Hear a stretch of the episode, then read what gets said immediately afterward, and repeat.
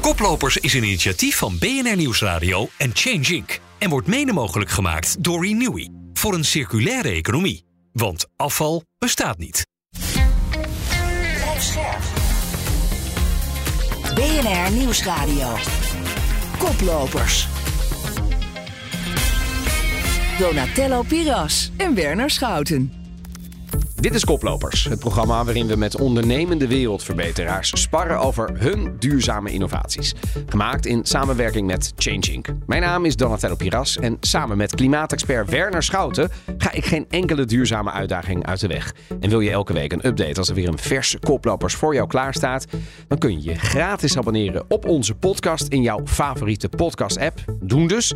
En in Koplopers vandaag bio-inspiratie opdoen voor meer succes in het bedrijfsleven. Klittenband geïnspireerd op een plant, muggen die ons leren beter naalden, betere naalden te maken. Voor de mensen daar zijn dat fantastische innovaties, maar voor de natuur is, natuur is het natuurlijk gewoon een eitje. De natuur als basis voor nieuwe ontwerpen. Designers over de hele wereld die laten zich meer en meer inspireren door de natuur. Gedreven door de noodzaak om op een duurzame manier met natuurlijke grondstoffen om te springen. Dat is echt fantastisch als je kijkt wat, um, wat we zouden kunnen kopiëren uit de natuur. Ja, bio-inspiratie, dus gaan we het over hebben. Werner, ik kijk jou weer aan. Wat heb jij meegenomen aan nieuws deze week? Ja, de natuur is eigenlijk een beetje onze vriend en vijand. We kunnen er dus heel veel ontwerpen uh, uit ophalen, maar tegelijkertijd wordt ook steeds meer een vijand van de mens, omdat die natuur steeds grilliger wordt. Zoals bijvoorbeeld in, in ontwikkelingslanden het aantal uh, mensen met honger verviervoudigt als gevolg van de droogte en de hitte en het extreem weer tussen yep. 2015 en 2022. Nou, hebben rijke landen al jaren de belofte dat ze 100 miljard dollar per jaar doneren aan ontwikkelingslanden om ze te helpen met klimaatmitigatie en adaptatie. En laat me raden, dat bedrag dat hebben we nog niet gered? Nou, je haalt me de woorden uit de mond, Donatello. En een rapport van Oxfam Novib toont aan dat het nog steeds niet is gelukt om 100 miljard dollar per jaar daarvoor weg te zetten. En daar komt nog eens bij, het geld dat het gebied wel bereikt, is vaak in de vorm van leningen. Wat deze ontwikkelingslanden landen dus vaak met rente terug moeten betalen. En zo draagt dat nog ook eens bij aan de enorme schuldenberg die die ontwikkelingslanden al hebben. Bij bijvoorbeeld het IMF, bij de Wereldbank, bij andere partijen. Dus ja, volgens mij moeten we zeker ook in aanloop straks naar die klimaattop in Sharm el-Sheikh in Egypte die solidariteit echt gigantisch veel meer opkrikken. Zeker als uh, rijke westerse landen. Ja, en als je het al niet doet omdat je vindt dat je het moet doen, doe het dan uit win-win situatie. Want uiteindelijk is iedereen erbij gebaat, hè? als iedereen het een stukje ja, beter Ik vind heeft. het onverkwikkelijk dat dit uh, kan voortbestaan. Maar we moeten hen ook de mogelijkheid geven om de natuur als vriend te hebben en te gebruiken voor hun ontwerp en voor hun ontwikkeling. En over die natuur gaan we het ook hebben, want bij ons in de studio is Jaco Appelman. Hij gelooft dat we wel wat meer gebruik kunnen maken van de kennis die de natuur ons te bieden heeft. Hij is programmacoördinator Bayer Inspired Innovation bij de Universiteit van Utrecht. Welkom Jaco. Dankjewel. Dankjewel. Ja, de natuur is voor jou heel belangrijk dus. De groene eeuw ligt zelfs voor ons, zeg jij. Kun je dat even uitleggen voor onze luisteraar? Nou ja, dat is dus, om even in te haken op wat jullie net zeiden, zo van... Um, wij zijn natuur. Dus te zeggen van hè, we hebben mensen en de natuur en de natuur is slecht of goed voor ons. Als wij de natuur goed behandelen, gaat de natuur ook ons uh, zeg maar beter behandelen. Als je gezonde omgeving creëert, gezonde lucht, gezond, gezond water, gezonde bodem, dan creëer je welvaart. En juist in relatie tot ontwikkelingslanden, als je mensen in ieder geval kan leren hun eigen voeding en, en water zeg maar daar lokaal te, te, te produceren. Zonder dat ze afhankelijk zijn van andere ja, landen. Dat is ook weer inspiratie. Ja. En op een volhoudbare manier dat je ze natuurlijk niet uh, ja. ja. deplete, de resources. Precies. En, dan, uh, en dat doe je. De, de, de, dat gaat ook vrij makkelijk omdat de natuur lokaal sourced. Dus lokaal zijn eten en, en water regelt. Dus het wordt belangrijk voor je omdat je ziet waar je voedsel en je water vandaan komen. En dat is groot in ontwikkelingslanden en dat is klein. Wat je hier heel veel op dit moment in Nederland ziet, lokalisering. Van moeten, we, moeten we vaker van de natuur afkijken in ons leven? Uh, ja, dat is makkelijker ook. Het maakt het leven makkelijker. Een van de mooie dingen die je van de natuur kan leren, is dat we het allemaal wat rustiger aan kunnen doen. Bijvoorbeeld. Wat rustiger aan? Ja, nou, dat, dat je, als je de natuur neemt de tijd om dingen te ontwikkelen. En ze groeit heel rustig. En als je elkaar gaat duwen op van we moeten allemaal 7 tot 13 procent rendement halen. Dan kom je in een soort redrace terecht. Waardoor je steeds, steeds harder moet lopen om hetzelfde geluksgevoel te halen. Ja, Maar je kan ook onder die boom zitten en gewoon genieten van wat er is. ja. Is heel zwart-wit. en, en is dat dan bio-inspiratie? Ik probeer het even tastbaar te maken voor de luisteraar. Wat is bio-inspiratie? Dat is gaat Van, eh, van, van vorm naar eh, vleugeltjes. En eh, dat je zegt van ik kan een vliegtuig ontwerpen waar ik goed naar vogels heb gekeken, waardoor die wendbaarder is of minder brandstof gebruikt. En dat is zeg maar wat, wat we altijd noemen vrij oppervlakkige bio-inspiratie. Want dan doe je nog steeds, bouw je nog steeds een vliegtuig die CO2 produceert. En je kan heel ver gaan, en dan, of heel ver, waar we naartoe gaan met elkaar. En dat is dat je probeert gewoon in relatie tot de natuur te staan. Dus dan ga je ehm, landbouw weer omvormen naar een productief landschap. Waarbij je, eh, nou, dan ben je alweer in de buurt oogst, waardoor je niet eh, soja uit Brazilië moet halen, daar het woud kapt, da- daar lokaal minder regen produceert, meer armoede produceert, doordat je die soja hierheen haalt. Dan hebben we hier hammen van de varkens, die gaan naar Italië en dan krijgen ze terug als echte parmaham. Nou, dat moet eruit. Dat, als we dat eruit kunnen halen met elkaar, en dan kun je leren van de natuur lokaal eh sourcen, is een hele belangrijke. Maar we hebben het vandaag over bio-inspiratie, zeker in relatie tot de bouw. En nou zijn we eh, samen wel eens eh, spreker geweest hè, bij een evenement. En daar kon jij in geuren en kleuren vertellen over jouw magnifieke visie over hoe gebouwen op basis van bio-inspiratie eruit kunnen zien. Je, je vertelde iets over dat we fruit kunnen plukken van de muren van onze gebouwen. Kan je ons meenemen in eigenlijk de bio-geïnspireerde gebouwde omgeving. Hoe ziet die eruit en, en waar kunnen we nog veel meer profiteren en leren en samenwerken met die natuur? Eh, in een bio-geïnspireerde omgeving of gebouw zie je veel hout, veel glas, veel aluminium, veel licht. Even heel kort. Het zijn eh, eh, gebouwen waar je je lekker in voelt. Een beetje zoals hier bij BNR, het glas aan de voorkant. Nou, we zijn nog goed bezig. Ja, en er staan groene plantjes, hè, dus het ziet er in ieder de- geval de- leuk de, uit. De upgrade, is de, de upgrade is fantastisch. En wat je dan ook krijgt, is die gebouwen moet je zien als een organisme, als een beest. Laten we het zo maar even noemen. En een beest, wat moet hij doen om te overleven en om zichzelf in stand te houden? Die haalt materiaal en energie naar binnen. Dus je moet een gebouw niet zien als iets dat je neerzet, boem, dat is het. Nou, doei. Je moet aan de voorkant moet je al nadenken, wat moet er dat door dat gebouw heen stromen aan energie, aan water, aan mensen, et cetera. En aan de achterkant, wat produceert dat gebouw aan, laten we het even afval noemen, maar in ieder geval output. En, en dat is dus vervuild water eh, en allerlei andere dingen die eruit komen. En hoe krijg je die in een cirkel? Wat we nu doen is, wat we al een beetje ko- kopiëren van de natuur, is energie opwekken in gebouwen. Steeds meer zonnepanelen, steeds meer molentjes. Ja. Maar de kunst wordt om die andere dingen als het reinigen en hergebruiken van water, het licht produceren van voedsel. Want niet elk gebouw hoeft een boerderij te zijn. Maar het is toch leuk als je je muntthee gewoon al langs de receptie lopend even kan afbreken. En zeggen, nou nu warm water en ik heb mijn muntthee deze ochtend. Dat soort simpele dingen waarbij je dus eten en, en genieten dichtbij een gezonde omgeving komt. Zo gaan die gebouwen voelen. Gebouw dat het- als organisme als die ook een beetje zelfvoorzienend gaat zijn in wat het nodig heeft. Ja, en we, ik heb nu, we zijn nu bezig met onderzoek om te kijken hoe ver kunnen we gebouwen als levende systemen maken. En je komt natuurlijk tot van die hele logische conclusies. Een gebouw zal zichzelf nooit kunnen voortplanten. Maar, hè. maar Dus- noem nog eens een aantal van die innovaties. noem nog eens een aantal van die innovaties op basis van bio-inspired design. Je kan bijvoorbeeld de buitenwand intelligent maken door er een, een bijt tegen, tegen te zetten die schimmels eh, eh, in zich bergt. En op het moment dat het nodig is, groeien die en bedekken die af. En je moet hem natuurlijk wel voeden, want schimmels ook levenswezen. En dan heb je dus geen bijts meer die, die, die ziekmakend is. In de zin van dat er chemie in zit die inademt, benzeen, allemaal dat soort dingen. Het is een onderdeel van het gebouw geworden. Je kan je, je, je heel simpel, eh, want dat is heel belangrijk, met een paar goed geplaatste bomen omgebouwen, dat is altijd een heel goed voorbeeld, kan je zo 3, 4 graden temperatuurstijging tegengaan in de zomer. En met een beetje mazzel, door goede plaatsing, kan je er ook nog eh, voordeel van hebben in het, in, in het najaar en in, in de lente. Ja. Je kan ehm, houtbouw, bamboe eh, in de buurt groeien. Dus laatst sprak, sprak ik met iemand uit Flevoland. Die moeten honderdduizend woningen bouwen. En daar kunnen we nu praten over. We hebben woningen. En die moeten straks weer onderhouden worden. Dus er moet een bos bij. En in het bos moet specifiek hout gegroeid worden. Zodat we die woningen kunnen onderhouden naar de toekomst. En dan zie je dat het is niet meer een huis dat een organisme is. Het is nu een stad dat een organisme is. En als we nou gaan kijken naar de toekomst, want we hebben een enorme bouwopgave in Nederland.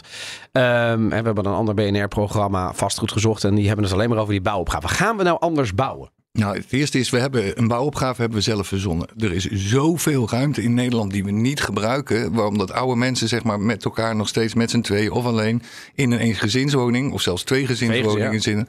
Dus ehm, je moet ook, als wat de natuur zou doen in zo'n geval, is eerst kijken: hé, hey, er is al ruimte, laten we die eerst benutten. En dan zouden we die bouwopgave waarschijnlijk met, met 70% terug kunnen dringen. En dan hoeven we niet allemaal nieuwe rotzooi zeg maar, te doen die CO2 produceert. Plus dat je dan krijgt. Ik woon zelf op een boerderij buiten. Ik krijg het niet voor elkaar om een extra gezin ernaast in te zetten. Want er zijn allemaal regels. En dat heeft dan te maken met grondbeleid van Ja. gemeente. Daar gaat het om. En dan komen we bij de regels. hè. ja, daar komt het. Uiteindelijk, als we een snelle sweep willen maken, dan moet je eh, gewoon bouwers laten zien dat hout en bamboe veel betere bouwmaterialen zijn dan beton. En wat gebeurt er dan op dit moment al? Je zegt die bouwopgave is veel kleiner dan, eh, dan eigenlijk eh, zo is. Fantastisch inzicht. Maar wat gebeurt er dan nu al voor de huizen die we wel moeten bouwen op het gebied van bio-inspired design? Nou, triple glazing is natuurlijk zelf energie opwekken. Wat er nu heel hard wordt geroepen, dus de afgelopen halve, zes maanden zo'n beetje. eh, je eigen waterhuishouding. Hmm. Want dit heeft, twee, het heeft een aantal voordelen. Je kan ermee wassen, je kan ermee koken, je kan ermee koelen. En dan naast dat je hè, dus je, je panelen hebt, heb je eigenlijk al autonome units die zichzelf redelijk kunnen bedruipen. Plus dat je geen hoge energierekening hebt. Dus ik had mazzel. Ik had net op tijd zonnepanelen op mijn dak gelegd en toen begon dit. En dan heb je gewoon mazzel. In de zin van dat je op het goede moment een investering hebt gedaan. Zo kan je het ook eh, bekijken bij BNR. En dat zouden we ook kunnen, als je het hebt over ongelijkheid opheffen. Als je gewoon een keuze maakt om de sociale woningbouw te verduurzamen in één keer, hef je een aantal problemen tegelijk op. Dus eh, de hoeveelheid werk die ermee loskomt en de hoeveelheid besparing qua, qua gas die dat oplevert, plus eh, het wooncomfort, waardoor mensen wat minder zagrijnig zijn, om het maar zo te zeggen, en minder eh, kort aangebrand. Dat, ja, dat helpt allemaal mee. Het zijn allemaal kleine dingetjes. Dankjewel. Jacob Appelman, hij is programmacoördinator Buyer Inspired Innovation bij de Universiteit van Utrecht. Ja, wat wel interessant is uit, aan het verhaal van Jacco, is als je dus vanuit het perspectief van de natuur gaat kijken naar onze maatschappelijke uitdagingen, kom je in één keer ook tot hele andere oplossingen. Het feit dat bijvoorbeeld onze woningopgave deels kan worden opgelost Ja. door eigenlijk de doorstroom in de eensgezinswoningen te ondersteunen, scheelt zo 70% van eh, het aantal woningen dat je kan bouwen. Ja, en dat betekent dus eigenlijk iedere keer als ik eh, de- mijn afdronk van Jaco is. We hebben toch een, een, een, een reset nodig, noem het omdenken, noem het iets anders. We hebben het al heel lang zo gedaan, dus we zijn ook niet meer in staat met dit soort crisis om, om, om weer eens opnieuw van scratch aan te kijken. Hoe zouden we het doen als we het opnieuw zouden doen? Ja. dan zou die doorstroom op de woningmarkt ervoor zorgen dat je minder hoeft te bouwen. Precies, en hij bij, bij hem hoef je ook nooit de, dus de, de zorg te hebben dat iets niet duurzaam is, omdat hij dus de natuur als basis neemt. En we kijken binnen de planetary boundaries wat er mogelijk is. En op basis daarvan bouw je een gebouw als En dat zou in het overheidsdenken dan misschien wat meer terug moeten komen. Onze volgende gast is bio-inspiratie-architect. Ze bouwt haar eigen huis naar de wetten van de natuur. Maar helpt ook Rijkswaterstaat bij projecten waar een symbiotische en natuurlijke samenwerking leidend is.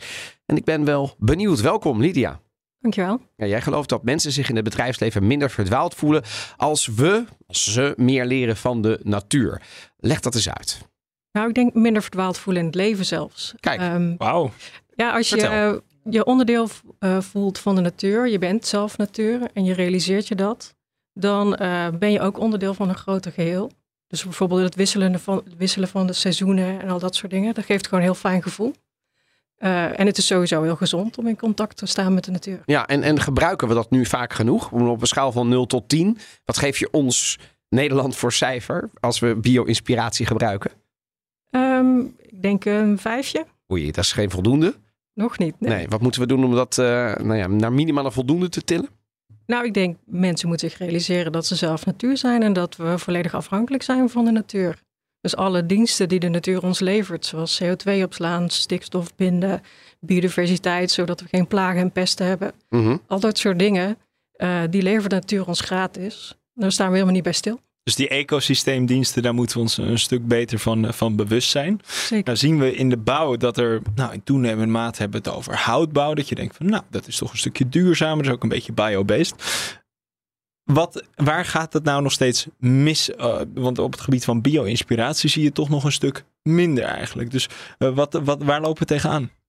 Eh, ik denk enigszins nog onbekend, misschien een beetje eng. Maar eh, in de huidige economie denk ik dat we juist wel veel meer innovatie nodig hebben. En bijvoorbeeld ook gerecyclede materialen, die worden in verhouding goedkoper en beter beschikbaar. Ehm, maar vooral regelgeving eigenlijk, waar ik vooral tegenaan loop. Charles? Uh, nou, ze hebben bijvoorbeeld een, uh, voor, ik ben een uh, biomimicry showcase huis aan het bouwen, Vita Pura. En daarbij moet je dan een MPG maken, dat is een milieuprestatiegebouw. Mm En ik heb een hu huis gebouwd van vo volledig natuurlijke materialen en eigenlijk zonder giftige lijmen en dat soort dingen. Um, en je, je stuurt dan iets op naar een bureau, die vullen dan wat in. Dat is een tabelletje. En wat er dan uitkomt is dat ze steenwol moeten invullen als het meest duurzaam isolatiemateriaal, terwijl ik stro heb. Oh ja. En dat, daar score ik dan op, zeg maar, omdat stro niet in het tabelletje staat. Daar scoor je niet op eigenlijk. Nee. Nee, precies. En dus kan het niet. En dus moeten we die regelgeving eigenlijk aanpassen, zeg jij, als we dit volledig zouden willen doorvoeren. Zeker. Maar jij bent architect. Wat is nu het verschil tussen aan de ene kant dat biobased bouwen en bio-inspiratie of uh, biomimicry. Kortom, um, um, waar, waar, waar, neem de luisteraar die hier misschien wat minder in thuis is even mee. Uh, biobased is zeg maar op de natuur gebaseerd. Dat betekent dat er nog steeds ook chemische middelen in, in zitten. Dus het is een combinatie van natuur en chemie. En biomimicry is eigenlijk meer een soort van levensfilosofie of een gedachtegoed, een perspectief van waaruit je handelt, zeg maar. Dus uh, je kijkt wat je kunt leren van de natuur. Dus niet jatten of kopiëren, maar echt leren met respect voor de natuur. Um, nou ja, dat is iets, dat is iets anders. Biobased past goed bij biomimicry. Het is een goede stap. Het is een stap in de goede richting. Maar... En laat me, geef me dan, je noemde net al een voorbeeld, maar, maar noem nog eens een voorbeeld van hoe je dan biomimicry toepast in de projecten die je zelf ontwikkelt. Um, nou, bijvoorbeeld, uh, ik ben nu een uh, kolom aan 3D-printen met uh, een robotarm.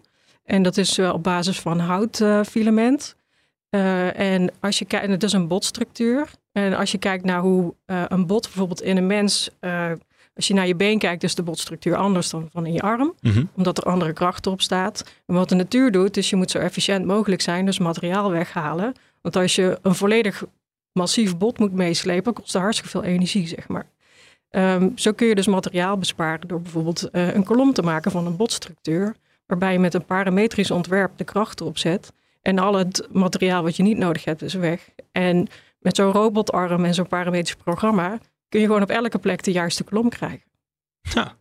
Ja, dat het klinkt wel goed. Nu doe je ook projecten voor Rijkswaterstaat en daar pak je het ook toe, bio-inspiratie. Um, eh, eh, hoe maak je dat, hoe bedoel, dat, dat jij zo denkt is logisch natuurlijk. Hoe zorg je ervoor dat Rijkswaterstaat dat ook gaat doen? Hè? Hoe zorg je ervoor dat het ook gaat lukken? Nou, we hebben met Spinwaves een hackathon gehouden. Ik heb nog een, naast mijn architectenbureau nog een bedrijf Spinwaves met Serena Scholten. En uh, daar hebben we zeg maar, daar komen we vaak met uh, de moeilijke organisatorische, complexe technische opgaves. Zo doen we die voor Rijkswaterstaat, maar ook voor de Kademuur in Amsterdam bijvoorbeeld. Of voor Shell hebben we die gedaan. Uh, en dan gaan we met mensen vanuit de hele wereld kijken we naar een probleem in één of twee dagen. En daar komen dan vaak hele praktische, toepasbare opgaven uit, of oplossingen uit. Omdat we heel multidisciplinair zijn. Dus we hebben van een, uh, iemand die een ecoloog en een industrial designer, um, een bio-inspired innovation uit Utrecht. um, even kijken, een politicoloog. Al dat soort mensen kijken dan naar één opgave. En dat zijn mensen die student zijn of start-up of echt een professional die in een bedrijf werken. Ja. Um, en dan kijken we met biomimicry naar het probleem. En omdat je dan de natuur als maatstaf neemt, is het altijd duurzaam. Dus je kunt niet eronderuit. Het is gewoon, is geen, dat is gewoon de voorwaarde. Het is gewoon de voorwaarde, Precies. dat is geen vraag. Um, nou ja, en zo hebben we eigenlijk Rijkswaterstaat geïnspireerd uh, om tot symbiotisch bouwen te komen. En daar is nu het Symbiotisch Bouwen Collectief uit ontstaan. En zijn we met de Innova 58 bezig om daar een paviljoen te maken. Wauw, en, en symbiotisch bouwen, hoe ziet dat er anders uit? Een symbiotisch gebouw dan een traditioneel gebouw wat uit beton en staal uh, bestaat? Een symbiotisch uh, gebouw is het niet per se. Dit is eigenlijk meer een proces ook. Okay. Dus um, er zijn verschillende soorten symbiose in de natuur.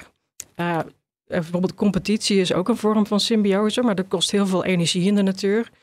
Uh, je ziet dat onze maatschappij daarop gericht is op competitie. Kost heel veel energie aan twee partijen. Dat is eigenlijk een min-min situatie. Of een min-min of negatieve, negatieve situatie. Uh, en je hebt ook mutualisme, wat dan juist een win-win situatie is. En we proberen eigenlijk juist op, op die samenwerking uh, te richten. Dus we hebben nu bijvoorbeeld een ontwerpteam met drie architecten en een aantal mensen die geen architect zijn. En dat vormt het ontwerpteam bijvoorbeeld. Dus, dus we gebruiken eigenlijk, we leren niet alleen van de natuur in de innovaties die we ontwikkelen, maar ook in hoe we tot die innovaties komen, in hoe we het team organiseren, ja. zeg je eigenlijk. Precies. En eh, waar zitten dan de uitdagingen, of laat ik het maar obstakels noemen, voor bio-inspired design? Ik bedoel, als je begint op zo'n manier te denken, denk ik, fantastisch. En dat multidisciplinaire en zo'n hackathon zie ik helemaal gebeuren. Maar waar, waar zit dan de uitdaging waarom dit, nou, laten we zeggen, niet in 100% van de gevallen nu al plaatsvindt? Eh, ja, je moet eerst het zaadje planten. Dus je moet mensen hebben die ook eh, in een organisatie geïnspireerd zijn, zeg maar.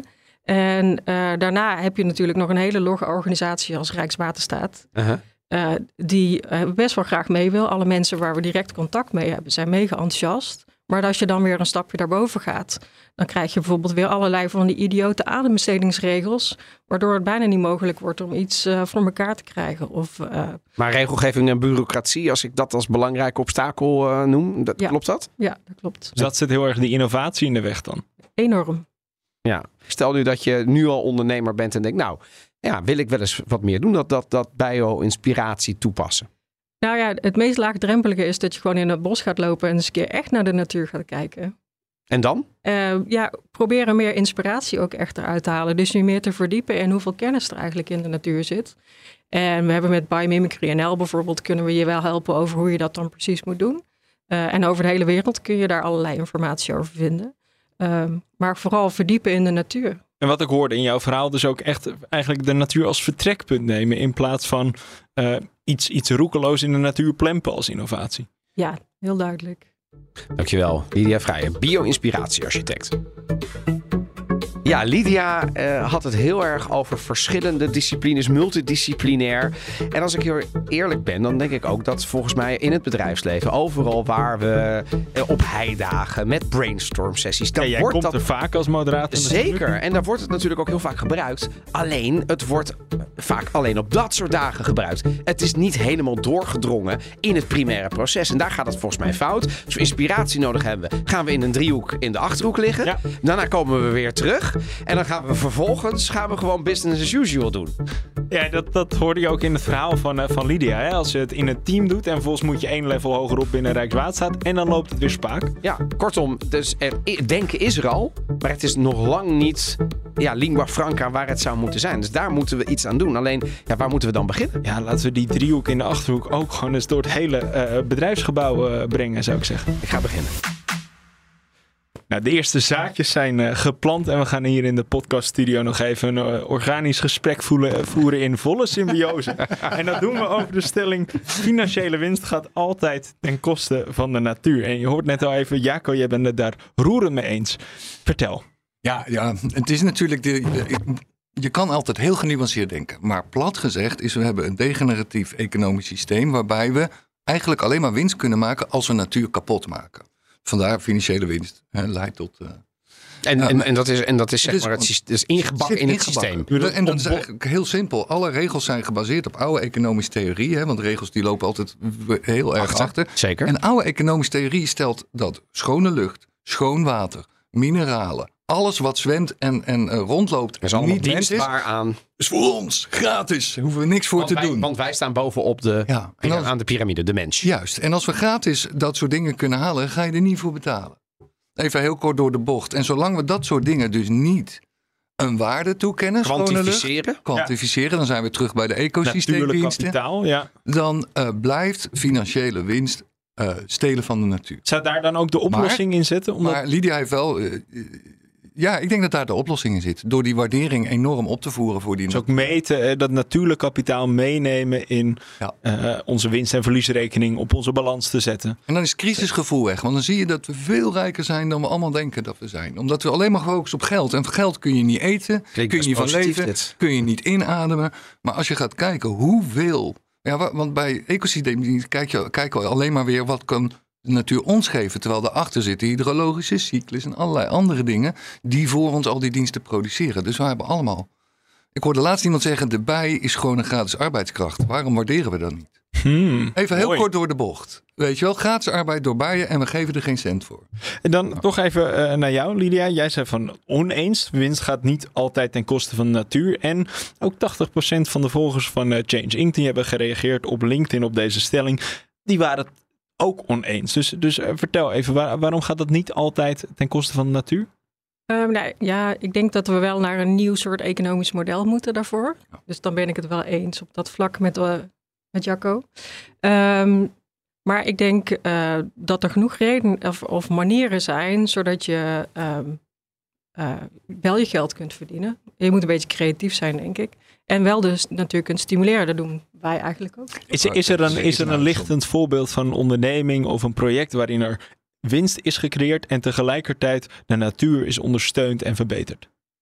Um, ja, ik denk bijvoorbeeld nu met, uh, met de herenboeren zijn ze wel bezig om uh, ook uh, meer in symbiose met mensen... voedselcoöperatie. Ja, Die- voedselcoöperatie. Ja. Um, ja, zij maken communities en huren dan zelf een boer in om hun voedsel te telen.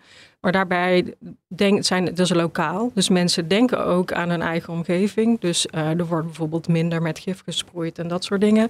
Uh, en mensen die staan, maken zich, zijn ervan bewust wat ze eten. Want zij kiezen zelf wat er geplant wordt bijvoorbeeld. Of welke dieren ze willen eten en hoe, dat, hoe daarmee om wordt gegaan. Uh, en dat, ja, nou ja, er zijn een voorbeeld. Ja, Jacco, vind jij dat dan uh, voldoende regeneratief? Want er wordt nog steeds met een beetje gif ges gesproeid. Uh, denk je dat het als het volledig uh, volgens biomimicry gaat, dat we eigenlijk daar niet meer met, met ge gebruik kunnen maken van gif? Uiteindelijk, maar de natuur maakt ook gebruik van gif. Alleen okay. spaarzaam en hele specifieke omstandigheden.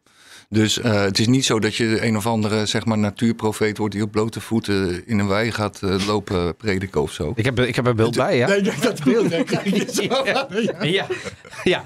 Dus, dus dat niet. Maar, maar wat wel? Wat is maar, de toekomst die realis, realistisch is, maar wel wel de symbiose met de natuur heeft. Oké, okay, wij zijn natuur, maar mensen, maar wij zijn wel technologie producerende wezens. Alleen daar zijn we zo in doorgeslagen. De architect knikt ook, Dat ja. het te veel is, weet je wel. Ja, ja, precies. Dus wat we gaan zien is denk ik dat we wel dit nog steeds hele mooie dingen gaan bouwen. Ja. Maar we schuiven steeds meer op naar, uh, je kent het gebouw in, in uh, de flat in Milaan. Die helemaal Bosco opgebouwd Verticale. Bosco. Van, uh, van Boeri, nou, we hebben de eerste, architect. Ja. En, en, in Utrecht. Utrecht komen er nou twee. Ja. En dat gaat mensen inspireren. Dat je ziet van, maar, oh, je kan een gebouw ook zien als een soort van heuvel. Nu zijn we weer terug bij, het is een systeem. Aha. Weet je wel? Dus, En dus we er hebben een een soort is- reset nodig. Ja, we hebben, wij, hebben, zo, uh, wij hebben als mensen best een reset nodig. Maar de, de simpele is, ik vind dat Matthijs Schouten zegt dat altijd. De, de simpelste reset is dat je naar buiten gaat, om je heen kijkt en zegt... ik zie daar een boom of ik zie daar een struik of ik zie daar iets... en ik ga die elke dag begroeten. Ja. En Lydia, wat, wat, wat nu door Jacob wordt gezegd, hè, Stefano Boeri, die, die eh, van het Bosco Verticale in Milaan, die werkt heel erg samen al, met, hè, multidisciplinair. Want die zegt, ja, ik moet met botanisten gaan samenwerken. Ik moet met, met, met natuurwetenschappers, want anders had ik dit nooit kunnen realiseren. En die hebben mij de input gegeven om dit te kunnen realiseren. Is dat een beetje de toekomst, dat je als architect eigenlijk altijd multidisciplinair zult moeten gaan werken? Ja, niet, niet alleen voor architecten. Ik denk eigenlijk voor iedereen. Um, zeker als je biomimicry wil doen. Want ik ben geen bioloog. Nee. Dus uh, ik heb biologische kennis ook ergens nodig. Dus ik werk ook samen met milieutechnologen. Um, voor de innovatiekant uh, met uh, mensen die transitiekunde hebben gedaan, zeg maar. Dus um, het is juist uh, die combinatie die, uh, die we nodig hebben om uh, verder te komen. Maar staat het architectenbureau van de toekomst, gaat het er anders uitzien? Gaat dat met biologen, psychologen, sociologen, gedragswetenschappers? Ja, zo, dat is mijn architectenbureau. dat is staat. Het is van Lydia Vrij, ja. En, en, en wat levert dit op voor, voor de mensen? We hebben het heel erg over, oké, okay, hoe gaat het de natuur opleveren? Maar als je in zo'n zo'n huis, zo'n bio-inspired design uh, gebouw rondloopt, wat levert het op voor ons? Um, nou, we voelen ons thuis. En we, we weten dat wat er gezond is. We, we snappen ook wat er eigenlijk gezond is. Dus uh, we, um, als je uh, kijkt naar de natuur, dan kom je er eigenlijk achter wat duurzaam is. Um, omdat je kunt leren van de natuur en het is je maatstaf, zeg maar, je mentor. Um, dus je, je gaat je veel meer thuis voelen. En we, nu uh, hebben we hier bijvoorbeeld uh, deze tafel is gemaakt met formaldehyde. Ja. Hij heeft wel een houtstructuurtje. Um, maar als je kijkt naar bijvoorbeeld een, een babykamer, als mensen net een, een uh, nieuw huis hebben gekocht, dan willen ze een PVC-vloer. Uh, ze ga, hebben niet zoveel geld voor dure verf. Ze zetten allemaal van die IKEA, nieuwe IKEA-meubels in, want tweedehands meubels. Hm.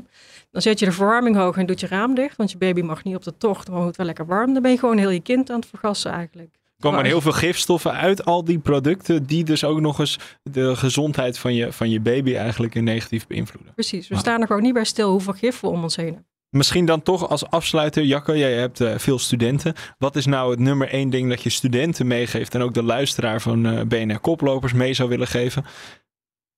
Eigenlijk uh, dat het ontzettend, wat wij merken als we met studenten ontwerpen en, en dingen uh, mooier maken en beter maken, is dat je heel erg blij wordt. In plaats van die anxiety die we nu eigenlijk allemaal voelen, weet je, die onrust van het gaat niet goed, we zitten boven op een borrel. We zitten in een soort van kramp, hè? En als je met mensen daar nadenkt van nou, laten we eens buiten gaan lopen en kijken wat kunnen we leren van de natuur en hoe kunnen we dat omzetten. Oh, dus als wij schone water gaan creëren en we proberen dat met z'n allen in de stad Amsterdam, dan kunnen mijn kinderen straks zwemmen in de gracht. Nee. Zonder dat ik me druk hoef te maken over Nee. iets. Ik vind dat wel een lonkend perspectief. Snap je? Ja. ja, ja, nu, ja. Gaat nou... We gaan terug naar die stelling financiële winst. Nou, die gaat dus misschien niet altijd ten koste van de natuur, maar de we is ons denk ik wel. systeem wel radicaal anders eh Want, vormgeven? want op dit moment is dat wel zo. Dat zeggen in ieder geval ook onze gasten. Dankjewel Lydia Vrijen, bio-inspiratie, architect. En Jaco Appelman, hij is programmacoördinator Bio-Inspired Innovation bij de Universiteit van Utrecht. En dit was de podcast van Koplopers voor deze week. Volgende week maandag half vier weer een nieuwe podcast. En Ja. vergeet je niet te abonneren. Doe dat meteen even. Ben je nou bio geïnspireerd? Geef ons dan ook vijf groene natuurlijke sterren. Ja, want daar worden we heel erg blij van. En dat helpt ons in de vaart der volkeren. Bedankt voor het luisteren en tot volgende week. Koplopers is een initiatief van BNR Nieuwsradio en Change Inc. En wordt mede mogelijk gemaakt door Ebbingen. Ebbingen kent, verbindt en ontwikkelt de leiders van de toekomst.